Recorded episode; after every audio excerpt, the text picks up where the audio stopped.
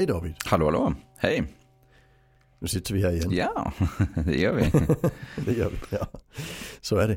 Du, jag tänkte lite att vi skulle snacka om, om något helt annat än vi gjort de sista två gångerna. Mm. För där har vi ju varit liksom ute i de, i de, i de stora tankarna tycker jag. Mm.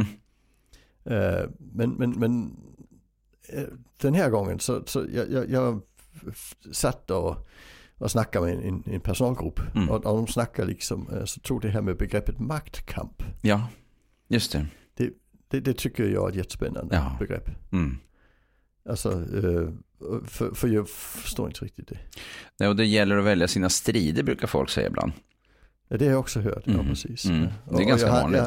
Jag, det har jag hört i 20 års tid i Mm. jobbet och jag har inte riktigt fattat det heller. Men, Mm. men det kan ju vara jag som är lite korkad. Vi ska väl se. Ja, alltså, eh, och det, det jag sa till dem det var ju att ja, nu förstår inte jag. Och så sa de, ja men alltså, vi, vi måste ju vinna. Mm. Och, och, och- då blir jag lite så förvånad. Alltså det här är ju ändå folk, de jobbar i skolan. Alltså i min värld så är konflikter ju ingenting man vinner. En konflikt, det är något man löser. Eller?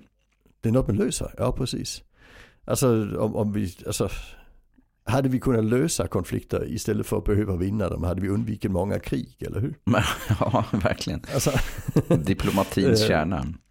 Ja, någonstans. Eh, och och, och, och, det, det var ju lätt att jobba med den gruppen för det vi behövde göra det bara var att säga, alltså, men, men hur löser ni konflikter istället? Och så snackar vi lite om det och sen provar de till nästa gång. Och, och så var det ju så jäkla mycket enklare.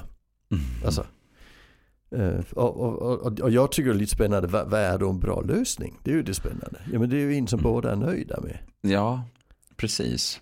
Alltså, och, där har jag en svärson, han sysslar med strategisk inköp heter det. Mm. Eh, alltså det innebär att han ju förhandlar priser. Eh, han är civilingenjör så han börjar på Sony Ericsson. Ja, tror han, han köpte batterier och det var bildskärmar och vad fan vet jag. Till mobiltelefoner. Åkte till Kina och så vidare. Eh, och, och han, är, han är duktig nu, nu är han konsult liksom och, och, och gör sådana förhandlingslösningar åt alla möjliga. Eh, och, och det spännande med honom det är att eh, när han och jag har gjort saker tillsammans, ibland så gör han föreläsningar, han arrangerar, det tycker han är kul. Mm. Eh, och sen får han fram riktigt bra priser för han är så bra på det. Och när vi kommer dit så, så säger man, är, är, är det, hej, är det du liksom? Och så ser jag att de han har förhandlat med, de gillar honom. Ja. Fast vi fått halva priset. Ja. Det är fan en förmåga alltså. Ja. ja. En lösning som båda uppskattar. men han säger att det finns folk som säger att en, en, en bra kompromiss är ingen nöjda med. Men Mm. han säger att en bra kompromiss är alla nöjda med. Ja. Alltså det, det, han, det, det är liksom hans filosofi.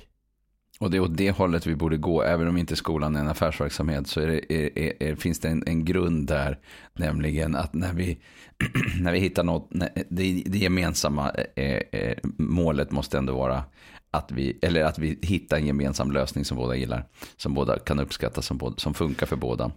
Så vi måste Ja, jag invol- tänker ju- och då måste vi ju, vi var inne på det förut med delaktighet, då måste vi också involvera individen i lösningen. Ja, alltså jag tänker speciellt problemlösning Mm. har ju den, den utgångspunkten, ja kan man säga den utgångspunkten. Mm. Sen är det ju en mycket mer eh, strukturerad metod för detta. Men, men i väldigt många situationer i vardagen så, så handlar det ju om att men, eh, genom att snacka lite så får vi ju till en lösning. Alltså i, istället för att vi hela tiden ska hamna i den här konflikten som vi måste vinna. För det som är problemet med en konflikt någon vinner, det är ju att det också är någon som förlorar den. Ja, precis. Och, och, och där har jag, jag, har- verkligen läst skollagen. Alltså jag har verkligen letat i den. Och jag hittar inte där det står att eleverna ska förlora. Nej, Alltså jag gör faktiskt inte det. det, det finns inte. Det finns inte, nej. Eh, Och vi hade ju ett poddavsnitt nyligen just om delaktighet. Mm. Alltså, och, och det, det, är ju, det, det är ju det klassiska sättet att få till en bra kompromiss. Det är att båda känner sig hörda, båda känner sig delaktiga i det här beslutet. Jag tycker det är intressant när man tittar på Ross Greens modell CPS, som han ju sen döpte till Collaborative and Proactive Solutions. Ehm, ehm, men eh, samarbetsbaserad problemlösning. Eh, Då är det ju ett mått av att man dels som vuxen försöker prata om vad som är, är viktigt för mig som vuxen. Dels att lys- verkligen lyssna, inte bara halv, inte höra, bara, utan verkligen lyssna till vad eh, eleven eller barnet säger om situationen. Och sedan att tillsammans Men framförallt också att se till att man som vuxen eh, ser om barnet eller eleven faktiskt har en idé om lösningen. Och när jag har eh, träffat pedagoger och vi har låtit eh, eh, eh, lärare och annan pedagogisk personal prata med barn så har ett av de absolut svåraste momenten varit att så att säga försöka kunna vänta med att själv föreslå saker och ting och vänta mm. på att individen själv liksom är med på att berätta eller, eller, eller kan berätta om sånt som han eller hon tänker skulle kunna hjälpa. Alltså att det, det, mm. det är någonting som, som ligger. Och, och, då tänker jag så här att det här är ju en, en, liksom en metod. Eh, så. Men den innehåller komponenter som är så himla väsentliga. Och som ju handlar mm. om det här med, med att hitta lösningar tillsammans. Att inte vinna utan att försöka liksom hitta någonting som funkar för båda. Nämligen att man lyssnar på varandra man lyssnar på riktigt på varandra. Eh, eh, mm. Och man eh, jobbar långsamt fram idéer om vad, hur, hur vi så att säga båda ska kunna vara nöjda med att pröva någonting och se om det skulle kunna hjälpa. Ja. Jag tycker att den idén är, är, är, väsentlig. Och vi behöver inte använda en metod i vardagen alla gånger för att lösa det. Mm. Utan det handlar ju väldigt mycket om hur vi, hur vi ställer in oss på, eh, eh, verkligen. Mm. Ja. Alltså, jag, jag, tänker också att det, det som är det viktiga det är ju inställningen. Alltså när du möts av någon som säger har du en bra idé. Det är något helt annat än om du möts av någon som säger så här ska det vara. Ja. Eh, det bästa exemplet jag tycker vi har det är ju det som kallas brukarstyrd eller patientstyrd inläggning. Alltså brukarstyrd? Styrd inläggning eller mm. patientstyrd inläggning. Som man har på självskadefältet i psykiatrin. Där, där man till exempel har, jag har sett lösningar som handlar om att jamen, du kan alltid vara inlagt i tre dagar när du vill. Mm. mm. Du får komma så ofta du vill. Men efter tre dagar måste du åka hem, eller fyra är det ibland. Mm. Men du får komma en halvtimme senare. Alltså, och sen ser vi hur det går. Och det kom ju till för det att väldigt ofta så blir man ju hemskickad i psykiatrin. När man kommer och hade skurit sig till exempel. Och, och där blev ju folk väldigt osäkra. Så ångesten för att inte bli inlagt när man behövde det ökade ju problemen liksom. Men, men och det var för att det var en dörrvakt. Det var en läkare som stod där och sa att du får komma in och du får inte komma in. Mm. Och, och sen har man införde man på lite olika platser i landet de här systemen. Och det har ju minskat inläggningsdagarna med två tredjedelar på många ställen. Det är väldigt intressant. Det är väldigt intressant mm. och livskvaliteten har ökat och så mm. vidare. För nu vet du att när du kommer dit så får man veta att du, du behöver vara här några dagar, mm. inga problem. Alltså alltid. Alltså, så så, så vi, vi, vi, öppnar upp för den biten som egentligen är delaktighet och medbestämmande i sitt eget liv och så vidare. Ja. Mm. Men, men som framförallt är att vi ska inte ha en konflikt om något som inte behöver vara en konflikt. Mm. mm. Alltså så är det. Sen efter fyra dagar när du måste åka hem. Där är det ju aldrig några problem heller. För du vet ju, du kan åka hem och blir det för jobbigt får du komma igen. Så det, det är egentligen det klassiska sättet att skapa en, en, en lösning båda är nöjda med. Det är intressant när vi pratar om det här med, med vinna. Eh, vad är det som mm. gör att vi vuxna då vill vinna en strid? Det är ju oftast kopplat då till, till en idé vi har om någonting som ska hända.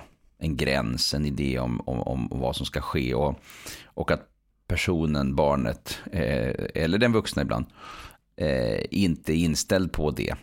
Eh, mm. Och Ja, vad har vi för situationer egentligen? Eh, vad, vad, har, mm. vad har du för några med dig som poppar upp i huvudet? Olika typer av situationer i olika verksamheter. Eh, ja, men alltså, jag, tänker, jag tänker egentligen att det är två bakgrunder. Mm. Eh, tre kanske. Eh, den vanligaste tänker jag är en lydnadsförväntan. Mm. Så det är när vi säger nu ska vi göra matte, ta fram boken och sen har vi någon som inte gör det. Eh, är det ju lydnadsförväntan ja. som, som kommer i spel. Man vill, att, man vill att personen ja. agerar direkt på det som jag har sagt.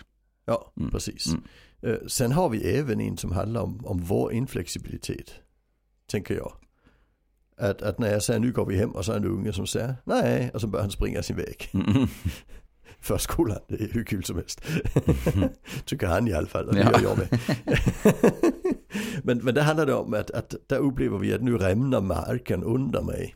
Ja just det. Ja, och, och, alltså det, det, jag får ja. ångest. Ja det kan ju också. Ja, ja. Precis, men, och där har vi också en annan komponent, nämligen att andra runt omkring ser att jag inte har förmåga att så att säga styra mitt barn ja. eller att, bar, att, att jag har den connection ja, med mitt barn. Ja. ja. Mm. Och, och där tänker jag, den, den inflexibilitet skapar ju en maktlöshet. Mm. Jag tycker det, jag har tittat på Tunna blå linjen som mm. väldigt många andra svenskar, ja. inte minst för mm. jag som har kontor på Södra Första Gatan i Malmö där det är jättetrevligt, jag känner igen alla saker. Ja.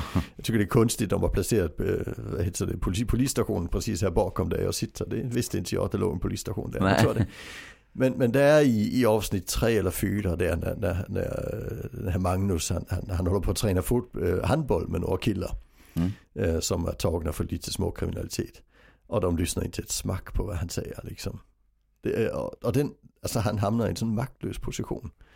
Och där tänker jag att det, äntligen vill han vara väldigt flexibel och han vill vara väldigt så förstående. Men, men han, han, hans flexibilitet klarar inte av det. Det är inte en lydnadsförväntan han har. Det är en maktlöshet. Mm. Liksom. Och, och, han kan inte navigera i det. Och, och det, det, det är ett ganska bra exempel. De står och kastar bollar istället för att spela handboll och så vidare. Liksom. På honom till och med. Alltså det, det är ju det är en jätterolig situation. Psykologiskt tycker jag. Sen är det frågan om det finns den här, den här eh, alltså tredje eh, upplevelsen av att jag måste vinna. Den tror jag också vissa kan ha. Ja. Som är mer auktoritär till sin eh, natur. Det är inte bara en lydnadsförväntan. Det är ganska enkelt så att jag förväntar att de inte lyder men jag ska fan i mig få dem att göra det. Mm.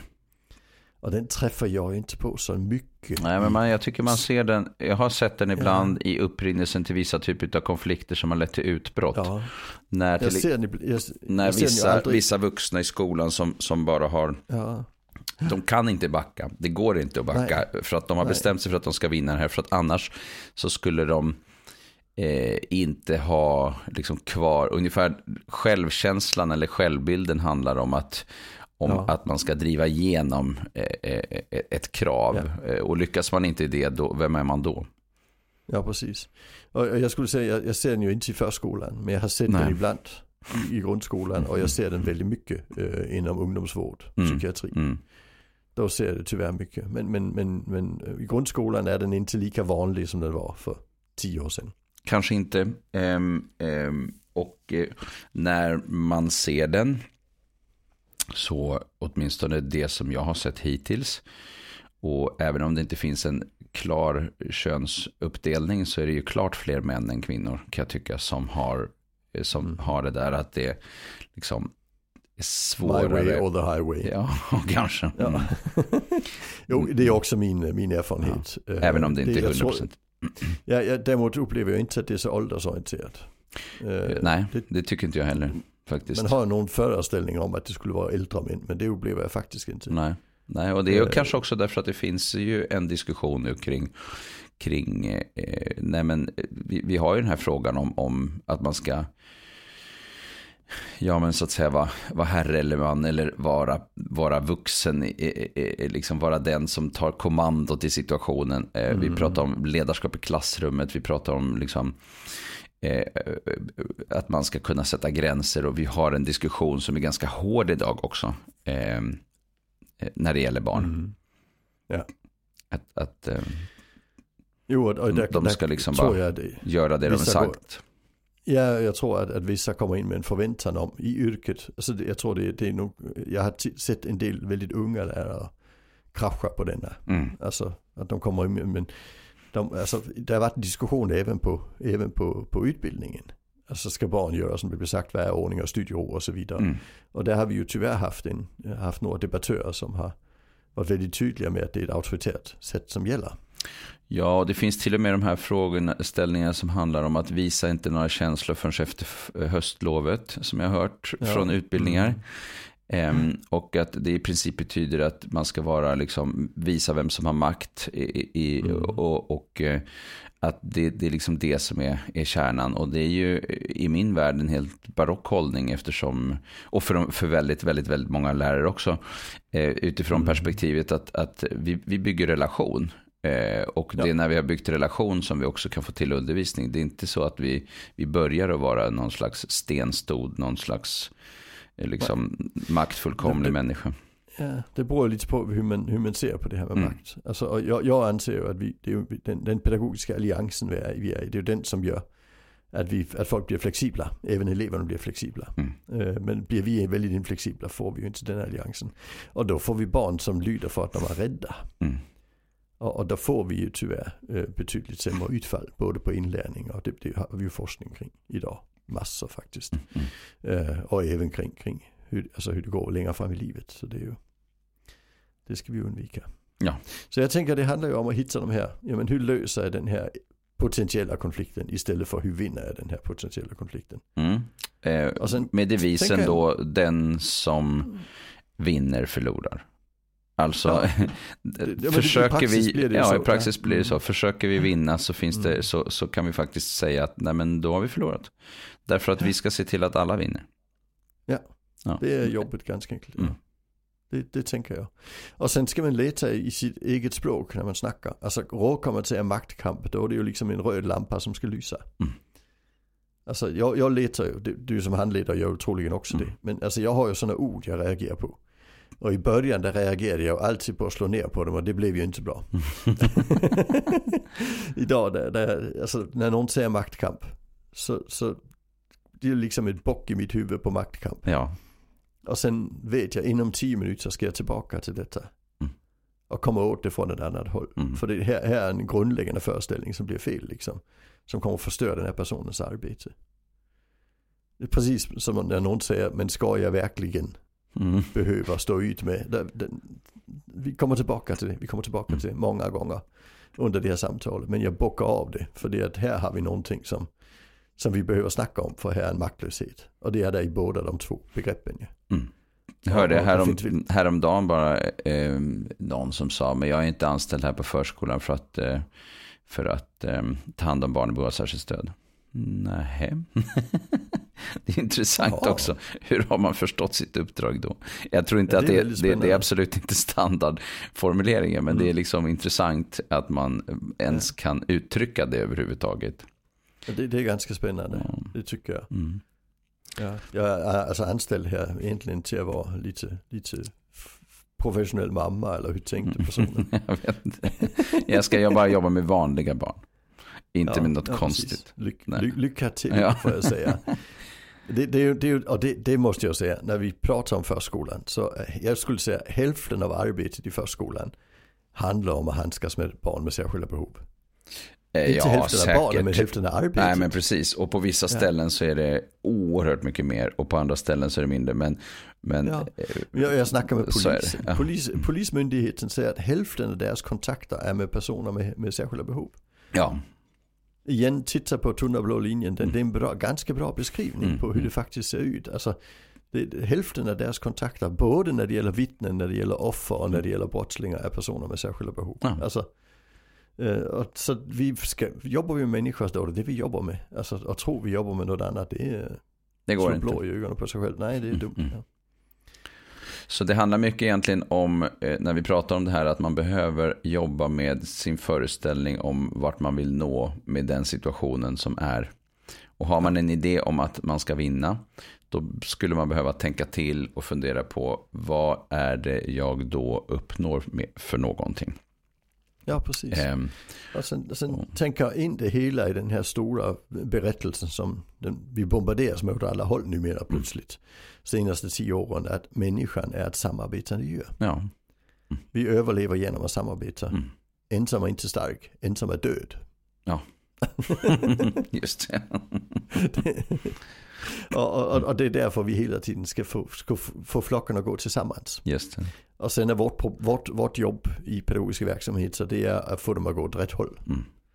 Men, men vi kan inte, om, om, vi, drar, om vi skippar tillsammans då blir det mycket, mycket svårare att få dem att gå åt rätt håll. De går åt alla möjliga håll. Ja, jag tänker på, det är intressant, eh, vi har ju haft eh, lite olika debatter. Vi hade ju den här soft-diskussionen med den här eleven som vägrade flytta på sig och, och någon som tog ett nackgrepp och flyttade på, på eleven. Lidköping. Det, ja. det, det är liksom ett sätt. Ett annat sätt är att bara gå förbi. Nej, det var inte, det, det, det sa den personen i någon intervju såg jag att eh, hade det hänt igen hade jag bara gått förbi. Men det finns ju ett annat sätt. Det är ju att sätta sig, och det är ju det här problem, samarbetsbaserad problemlösning. Det är att sätta sig ner i den där soffan och ja, här sitter du. Ja, liksom, och liksom mm.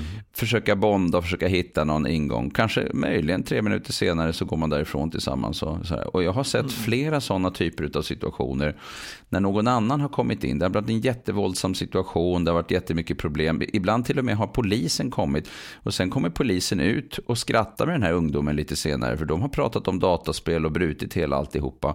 Liksom. Och sen, och sen så har man en nioåring som inte alls är upprörd medan de andra är, är skärrade och vet inte hur de ska göra. För att de har liksom stått och liksom eh, eh, skapat en situation där de själva har eldat på i situationen. Istället ja. för att liksom backa ett steg eller sådär. Och jag tyckte det var lite mm. intressant också när den här eh, diskussionen kring den här domen och, och, eller kring den här situationen kom upp. Eh, så var det ju också ganska många lärare som, som, som anförde skälen till varför, varför det finns poänger i att göra den här sista varianten, nämligen sätta sig där och, och liksom försöka bonda och se om man kan hitta något. Och det är lite intressant att, att eh, det i debatten blir liksom Eh, så, så kraftfulla liksom, eh, ställningstagande i två olika ändar på något sätt av hur man ska göra. Men det är ja. väl det här som du har varit inne på förut, att vi har liksom lydnadsspåret och autonomispåret och vissa drar väldigt mm. hårt i den ena riktningen och andra ja. försöker hela tiden dra i den andra riktningen mot det här autonomistödjande. Mm. Ja, det är ganska bra bild. Alltså, det är ju inte så att väldigt många drar väldigt starkt i autonomiriktningen. Han ska bestämma själv. Mm. Alltså det, det, var, det, var, det är länge sedan vi hade de diskussionerna. Mm. Det var 60-70-talet. Øh, så det handlar ju om att vi försöker dra åt autonomihållet. Ja. Øh, så att säga. Det tycker jag nog också. Men, men det finns personer som drar väldigt, väldigt mycket i det auktoritära. Det ja, jag tycker att... Inte, en, en av de stora är ju inte så tydlig i debatten längre, Hamid Safar. Och det, nej. Det, no, nej. det har ju hjälpt lite på debatten, ska vi säga det så. Eh, för, för det var väldigt lydnadsorienterat. Eh, ja, det har varit och det kommer att poppa upp nya personer som, som anför ja. det perspektivet. För det, för det finns, mm. jag tänker att det finns latent hos människan på något sätt. Att röra mm. sig mellan de här olika eh, delarna. Och jag, tycker... jag, tror vi, jag tror vi har båda delar i huvudet. Ja, de finns med oss.